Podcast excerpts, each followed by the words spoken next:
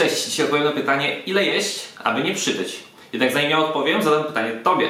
Tylko bardzo proszę o szczerość i weź pod uwagę swoje nawyki żywieniowe. A więc uwaga, wyobraź sobie, że masz nałożone jedzenie. Moje pytanie brzmi, czy będziesz to jeść do momentu, aż się skończy jedzenie, czy do momentu, aż poczujesz, że jesteś najedzony, najedzona?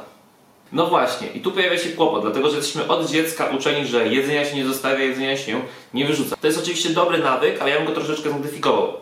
Dlatego, że jadł do momentu, aż poczuje się najedzony, a to, co zostało, dałem znajomemu, bądź zostawił sobie na później. Czyli odpowiadając na pytanie, ile jeść, aby nie przytyć, można by było odpowiedzieć, jeść tyle, aby się najeść, ale też nie tyle, żeby się nie przejeść. Tylko teraz należy rozważyć kilka opcji. Pierwsza, jeżeli zjesz za mało, to za chwilę będziesz znowu głodny, głodna, odczujesz głód i sięgniesz po coś szybko dostępnego, prawdopodobnie to będzie coś już niezdrowego. I wiadomo, co się wtedy dzieje. Jeżeli znowu się przejesz, to wiadomo, nadmiar kalorii prawdopodobnie zostanie odłożony w tkankę tłuszczową. Ja uważam, że zdecydowanie ważniejsze od tego, ile jeść, jest ważniejsze to, w jaki sposób jesz i przede wszystkim, co jesz. No Bartek, w jaki sposób mogę jeść? Możesz jeść szybko lub wolno. Wyobraź sobie, że masz dwa bardzo duże posiłki i wiesz na pewno, że nie zjesz wszystkiego.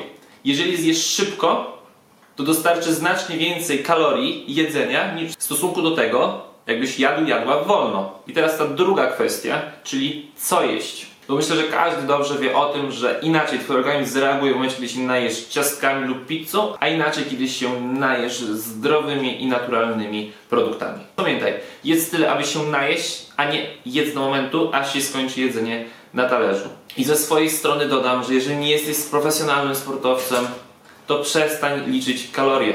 Ja wychodzę z założenia, że nie da się wyliczyć tempa metabolizmu, pracy naszego organizmu za pomocą wzoru matematycznego. Dobrze, jeżeli coś, co powiedziałem jest niejasne, bardzo Ci proszę zostaw komentarz z pytaniem, Ci bardzo chętnie pomogę. Jeżeli uważasz, że to wideo może komuś pomóc, bardzo Cię proszę udostępnienie go, to też bardzo wtedy pomoże mi. Sprawdź mojego YouTube'a, zostawiam w pierwszym komentarzu link do niego. Znajdziesz tam mnóstwo filmów na temat tego, jak schudnąć jak modelować sylwetkę. Jeżeli potrzebujesz wsparcia, dąż do mojej grupy. Link zostawiam w poście. Znajdziesz tam dużo motywacji. Tyle ode mnie. Do zobaczenia w kolejnych nagraniach. Cześć!